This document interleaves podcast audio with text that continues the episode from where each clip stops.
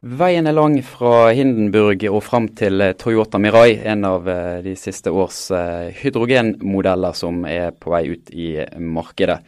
Transportsektoren må kutte utslippene, og hydrogen presenteres av flere som et alternativ. Men det er heller ikke det eneste området hydrogen kan brukes til. I Tyskland forsøker man bl.a. å lagre energien ved å omdanne den til hydrogengass. Men før vi dykker ned i det, velkommen til eh, dagens gjest, Steffen Møller Holst, som er forskningsdirektør ved Sintef. Velkommen til deg, eh, Steffen. Takk for det. Og du er òg eh, formann i Norsk hydrogenforum, hvis jeg ikke tar helt feil, eller nettsidene deres er oppdatert. Mm. Jeg tenkte vi skulle begynne med, med, det som kan kalles en liten oppklaring, eller i det minste et premiss for å snakke om hydrogen. Og det er det at hydrogen er en energibærer og ikke en energikilde. Hva, hva vil det egentlig si? Hydrogen er jo universets vanligste grunnstoff, men det finnes ikke fritt i naturen. Eh, hydrogenatomene er bundet til andre grunnstoffer. og eh, Hydrogen kan framstilles fra ulike hydrogenrike stoffer. Det kan være fra vann, spalting av vann, eller naturgass f.eks. Og Hydrogen kan da tas med og brukes der det trengs. Men i dagens samfunn er vi vant til elektrisitet, og det er vår primære energibærer. Men i framtiden vil altså hydrogen bli et viktig tillegg til elektrisitet, fordi det kan bæres fra en kilde og benyttes et annet sted.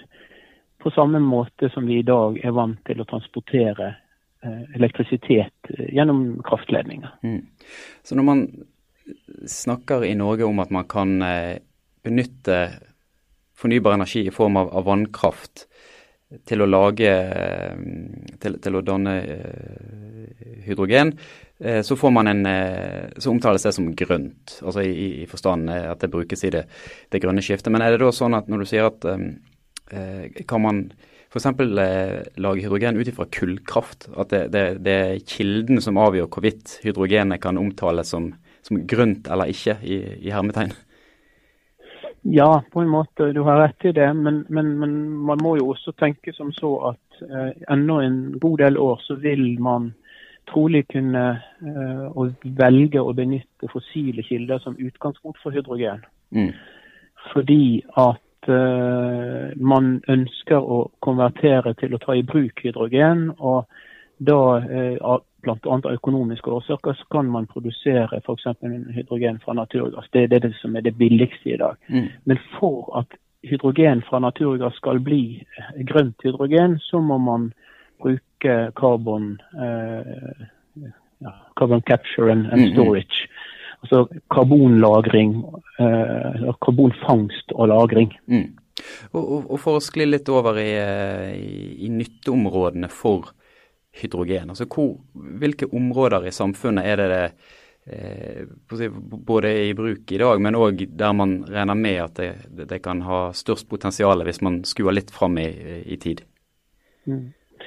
Altså Du har rett at det brukes eh, store mengder hydrogen allerede i dag. Men det er da i industriell sammenheng. 50 megatonn brukes, hydrogen brukes hvert år. Men de bruks, hovedbruksområdene vi ser for oss i, i framtida, er hydrogen brukt som drivstoff i transportsektoren. Og punkt to, eller anvendelsesområde nummer to, er eh, hydrogen som energilagringsmedium. Mm. Og, og, og, når det gjelder bruk ja. Nei, eh, fortsett du. Når hydrogen brukes som drivstoff f.eks. i en bil, i en buss eller kanskje etter hvert også i lastebiler, så kommer det bare ut vann i eksosrøret. Hydrogenet lagres på en tank, og det blir allerede brukt eh, gass, altså i naturgassbussene som går både i Trondheim og, og noen i Bergen. Eh, men eh, hydrogen anvendes best, brukes best hvis du bruker brenselceller, for de er mer effektive enn de motorene vi har eh, er vant til å bruke, altså forbrenningsmotoren. Mm. Og Som drivstoff så vil jo hydrogen da kunne redusere utslipp eh, betydelig, fordi at det er bare vannet som kommer ut. og hydrogenbilen er fremdeles en elektrisk bil, for den brenselcellen som står i bilen, den omdanner hydrogenet til strøm. og strøm, den strømmen brukes i en elektrisk motor mm. i bilen, sånn som vi er vant til fra en elbil. Mm. Og Det er jo for så vidt et av mange spørsmål som dukker opp når man diskuterer hydrogen. Altså det er jo eh, hvorfor hydrogen når man har kommet vesentlig mye lengre med elbilen i dag? Altså hva, Er det sånn at det er enten eller, er det litt ja takk begge deler, at man skal ha både elbiler og hydrogen, og at de de har hvert sitt eh, virkeområde? Så Sammenlignet med elektriske biler så kan hydrogenbilene kjøre opp til 800 km, og så tar det tre minutter å fylle opp tanken. Så hydrogen har klare fordeler på noen områder. Men jo mindre bilen er, jo mer fordelaktig er det å kjøre en batteri, mm. ren batteriløsning. Og jo kortere du skal kjøre, jo bedre er også eh, batteriløsningen. Så bybiler, nær, altså transport i nærområder og eh, mindre kjøretøy, så har elbilene klare fordeler. Og det blir både og etter, etter vår oppfatning. Mens middels til store personbiler, busser, lastebiler, etter hvert tog eh, ser vi også på nå, og skip mm. som skal over lengre distanser. Det er viktig. Altså, hvor langt du skal, jo, jo, lenger du skal, jo mer fordelaktig er det med hydrogen. Mm. Du, du, nevnte òg lagring eh, i sted, at hydrogenet brukes til det. og da eh, da er, det vel, da er det primært for å lagre energikilder som er ganske væravhengige, altså solenergi og, og vindkraft. sant? Som man eh, Ja. Mm. Den eh, økningen i klimabevissthet vi har sett over de siste ti års tid ca., eh, har jo gjort at vi har innsett at vi må, må erstatte forny, de fossile energikildene med fornybare kilder. Og Da er det i større og større grad snakk om å benytte energikilder som er altså tilfeldig tilgang. Vindkraft, solenergi. De kommer akkurat når det måtte passe det disse kildene. En dag blåser det sterkt, neste dag er det vindstille. Så for å kunne utnytte de fornybare energikildene best mulig, så vil energilagring bli helt avgjørende. Mm. Og Her er det jo både batteriteknologi og hydrogen eh, interessante løsninger. F.eks. i solrike strøk så kan man eh, forutse og, og, regne med at du har solenergi hver dag. Så da er batterielektrisk lagring av energi over et døgn f.eks. Eh, gjerne interessant. Men jo større energimengder du skal lagre, og jo lengre, større variasjoner du har i tilgang på energi i forhold til forbruket ditt, altså jo større asymmetri du har, f.eks. fra vindkraft, så viser det seg at eh, hydrogen passer mye bedre enn enn batterier for å lagre energi. Mm. Og Det har noe med at det blåser ulikt eh, om sommer og vinter. Så det blåser mer om vinteren enn om sommeren. og Man trenger å lagre store energimengder over lang tid. Og Her kommer hydrogen inn som en, en bedre løsning enn batteri for lagring av energi. Men hva med, med energitapet når man, altså, man putter inn en mengde energi? Hvor mye, hvor mye får man ut igjen når man, skal, når man skal bruke det, når man har behov for det? Når du eh, produserer hydrogen fra eh, f.eks. Eh, strøm eller fra naturgass, så er effektiviteten ca. 75-80% mm. Altså du taper 20-25% Og Så skal du lagre det, og det gjør du gjerne ved å lage altså komprimere hydrogen eh, til et høyt trykk. og Da kan du regne med å tape rundt 10% i, i den runden. Uh, og så I siste ledd så bruker du hydrogen i en brenselcelle. Og den gir tilbake ca. 60% av den energien du har i hydrogenet. Riktig. Sånn at hvis du går runden eh, fra produksjon fra f.eks. strøm tilbake til strøm, så taper du omtrent halvparten av energien. Mm. Men da spørs det jo litt hvordan du ser på altså regnestykket. Hvis du har mye overskuddsenergi, la oss si det blåser eh, sterkt i en uke, så kan du da velge å ivareta halvparten av den energien, eller du kan la alt gå tapt. Mm. Så Det er i det perspektivet at, eh, at, hydrogen, selv til tross for et uh, betydelig energitap, har en betydelig verdi i et energisystem. Og ikke minst da hvis man knytter uh, det stasjonære energisystemet sammen med transportsektoren, så kan man utnytte overskuddsenergi for å produsere drivstoff. Mm. Uh, igjen en, en, en, økning av Du kan både utnytte energikildene bedre, altså disse som kommer og går, vind, sol typisk. Og du kan faktisk investere, du, du kan spare i investering, for du kan da når det er underskudd, så kan du bruke den energien du har lagret. Sånn at du, du, du klarer å kan investere i færre vindmøller, for å si det sånn, mm, mm. og likevel klare å levere tilstrekkelig energi for et, en region eller en øy eller for den saks skyld et land, hvis det, hvis det så mye et land. Hvis, hvis, vi ser på um, Nå har det vært en viss aktivitet i Norge på hydrogen de siste eh, Spesielt det siste året har det vært en del aktivitet med eh, selskapet Nell, som eh, iallfall inntil nylig hadde strøsbetalen som største eier. Nå har for så vidt solgt seg litt ned. Eh, Grinstad, et selskap i, i, Bergen, har en del eh, planer. Det snakkes om eh, hydrogenfabrikker i, i Glomfjord, og det, det, har vært litt uh, utvikling på, på, mange ulike områder. Men, men allikevel så må man kunne si at man er i startgropen på en, på en større eh, mulig utbredelse. Så hva er, hva er hindringene for at det, det tas i enda større grad i bruk? Er det infrastruktur, er det et, et kostnadsspørsmål? Hvordan vurderer du det? Det er klart det er en del hindringer eh, for å ta i bruk en ny energibærer som hydrogen. Og det er, det er flere hindringer. Eh, noen er teknologiske. altså Man trenger videreutvikling av teknologi, og man må ned i kostnader. Det er en del sånn høner og egg. Eh, når man lager få enheter, så er de dyre. Eh, når man kan lage flere og få masse produksjon, så blir de rimeligere. Eh, prisene er kraftig på vei ned, men hindringene er jo både i forhold til eh, regulatoriske eh, ting, altså regelverk og sånt. Og så er det ikke minst da behov for hydrogenstasjoner, sånn, sånn, at den som kjøper en hydrogenbil, kan fylle drivstoff både nært den, der den bor, og, og også på langtur. Og I en tidlig fase så vil hydrogenstasjonene koste relativt mye i forhold til hvor mange biler du har på veiene. Eh, men det vi ser er f.eks. På, på hydrogenstasjoner, er at hvis vi har rundt 10 000 biler, eh, hydrogenbiler på norske veier, så kan det lønne seg for en, en stasjonseier å bygge en hydrogenstasjon og drive den. Mm. Så, så, det skal ikke så veldig mange, mange biler til, men det er en terskel. Og stasjonene må komme før bilene. Det er ingen som vil kjøpe en hydrogenbil og la den stå i garasjen i påvente at det kommer en hydrogenstasjon i ditt område. Sånn at der, uh, der, må stasjonene komme først. Og fordi det er relativt få biler, som vil til å begynne med, så vil de være relativt kostbare i den innledende fasen. Mm. Og, og, hvis stasjonene skal, skal, komme først før bilene, så er det jo da i en periode ingen biler som kan fylle der og gi inntekter til stasjonseierne. Så da, da antar jeg eh, Da er du vel for så vidt over i din rolle som formann i Norsk Hydrogenforum, kanskje, men at det må være må en eller annen form for støttemidler inn i en startfase der?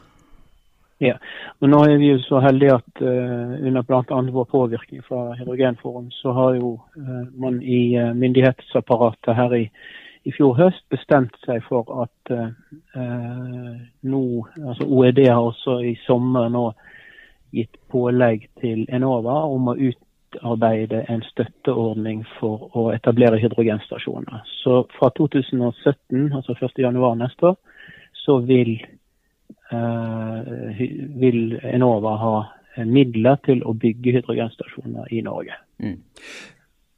Eh, jeg innledet jo med å eh, referere kort til, denne Hindenburg-ulykken i 1937. Eh, der luftskipet Hindenburg, som, som, som gikk på, på, hydrogen, tok, tok fyr og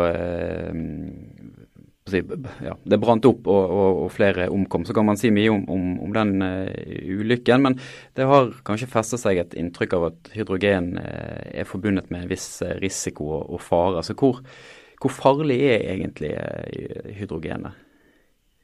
Nå vet jeg du, du har satt deg ganske mye inn i den Hindenburg-ulykken òg, så du kan for så vidt få lov å, å oppklare hva som var årsaken til, til akkurat eh, at det inntraff, hvis du, hvis du ønsker det òg. Altså, eh, det er jo noen av oss som, som husker Hindenburg-tragedien. Derunder ikke meg. Jeg var ikke født i 1937.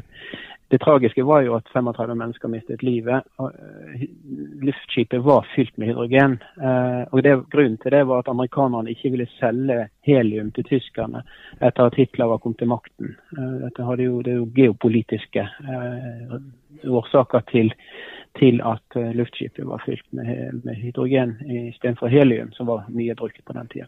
Men det som mange ikke vet, er at tilsvarende ulykker faktisk hadde skjedd med heliumfylte luftskip, som også var, hadde tatt fyr. Og eh, Saken var her at eh, skipet ble forsinket over Atlanteren. og eh, Årsaken til ulykken var faktisk at det var tordenvær i området, og at retningslinjene for anløp ikke ble fulgt. Altså, dette skipet ble ikke jordet i tide, sånn at at man fikk en gnist som da antente duken i mm. skipet, som ikke hadde noe som helst med hydrogengassen å gjøre. Og ikke før dette var eh, begynt å brenne i duken, eh, så, ville, så, slapp hydrogengassen eh, løs, eller fri. da. Men alle hydrogen, eh, alle, energi, alle, gasser og alle energirike materialer eh, er forbundet med en viss fare. Så når du spør om hydrogen er farlig eh, Hydrogengass er ikke farligere enn de drivstoffene vi bruker i dag. Eh, men man må håndtere eh, disse her, og man må ivareta sikkerheten på en annen måte fordi at de er altså, Egenskapen er sånn at ved lekkasje så stiger hydrogengassen opp, mens det vi er vant til er at ved drivstofflekkasje f.eks. av bensin, så flyter mm. eh, drivstoffet ned under bilen. Men det som er helt sikkert, er at hydrogengass eh, vil ikke altså man vil ikke lempe på sikkerhetskrav når det gjelder bruk av hydrogen sammenlignet med andre eh, energibærere og, og, kilder som vi er vant til å bruke diesel og bensin og, og den type eh, drivstoffer. Av den enkle grunnen at man aldri noensinne har gått tilbake på sikkerhetskrav. og Derfor vil heller ikke f.eks. bilprodusenter sette sitt emblem på en hydrogenbil, vel vitende om at denne nå da kanskje er mer usikker enn de andre. De vil kun sette sitt emblem på en hydrogenbil hvis de vet at sikkerheten er ivaretatt. Så det ansvaret blir tatt i forbindelse med at man selvfølgelig gjennomfører krasjtester og, og utsetter en hydrogenbil for akkurat de samme påkjenningene som en konvensjonell uh, bil. Mm. Slutt, med diesel eller bensin. Til slutt, før vi, før vi runder av, uh, Steffen. Du jobber jo uh, ved det som er, må kunne kalles Norges fremste tekniske eh, miljøet i, i, Trondheim, Sintef og ofte i samarbeid med, med NTNU. Hva, hva, jobber dere med på hydrogenfronten eh, i dag? Sintef er jo blant de største forskningsaktørene i Europa innen hydrogenteknologi. og Vi er ledende på noen områder. Spesielt er vi gode på hydrogenproduksjon fra spalting av vann. Altså vannelektrolyse. Ny teknologi. Eh, vi jobber primært eh, med utvikling av hydrogenteknologi. Og har hatt en del fokus på fornybare energikilder, men vi har eh, også lang erfaring med f.eks. produksjon av hydrogen fra naturgass. Mm. Eh, nå er det sånn at eh, vi også har tatt en rolle i forbindelse med å prøve å sikre implementering av hydrogenteknologi. Så vi har ganske mange prosjekter der vi hjelper eh, ulike aktører som er interessert i å og, ta i bruk hydrogen. Eh, og, og, oppdatere de og sette de i kontakt med leverandører, teknologi og, og sånne ting. Og i EU-systemet så har vi eh, mer enn 15 EU-prosjekter som vi har hatt i, i, på teknologiutvikling. Så, og vi jobber mye med brenselceller, med levetid, eh, prøver å redusere kostnader og den type ting. Opplever dere en økt interesse fra industriaktører rundt hydrogen som eh ja, det som du sa innledningsvis, eh, spesielt det siste året har vi eh, mer eller mindre blitt nedrent. Og vi, eh, vi har, har med å, å, rett og slett klare å ta unna det som, de forespørslene som kommer. Og Det er fordi at hydrogenteknologi, både litt knyttet til Paris-møtet, men ikke minst teknologiutviklingen er kommet så langt at at leverandørene begynner å levere eh, hydrogenbiler, selge de kommersielt. Eh, og aktualiteten eh, er jo også høyst stor her. Mm. Knytta til at vi, vi, må redusere utslipp. Altså Ambisjonene våre på å redusere utslipp gjør at vi faktisk er helt nødt til å ta i bruk hydrogenteknologi. Tusen takk for at du var med, Steffen, og opplyste oss om hydrogen. Dette har vært foreløpig den siste episoden i Sysla sin podkastserie Energiskolen, men vi er tilbake med vanlige episoder av Podkraft om ikke altfor lenge.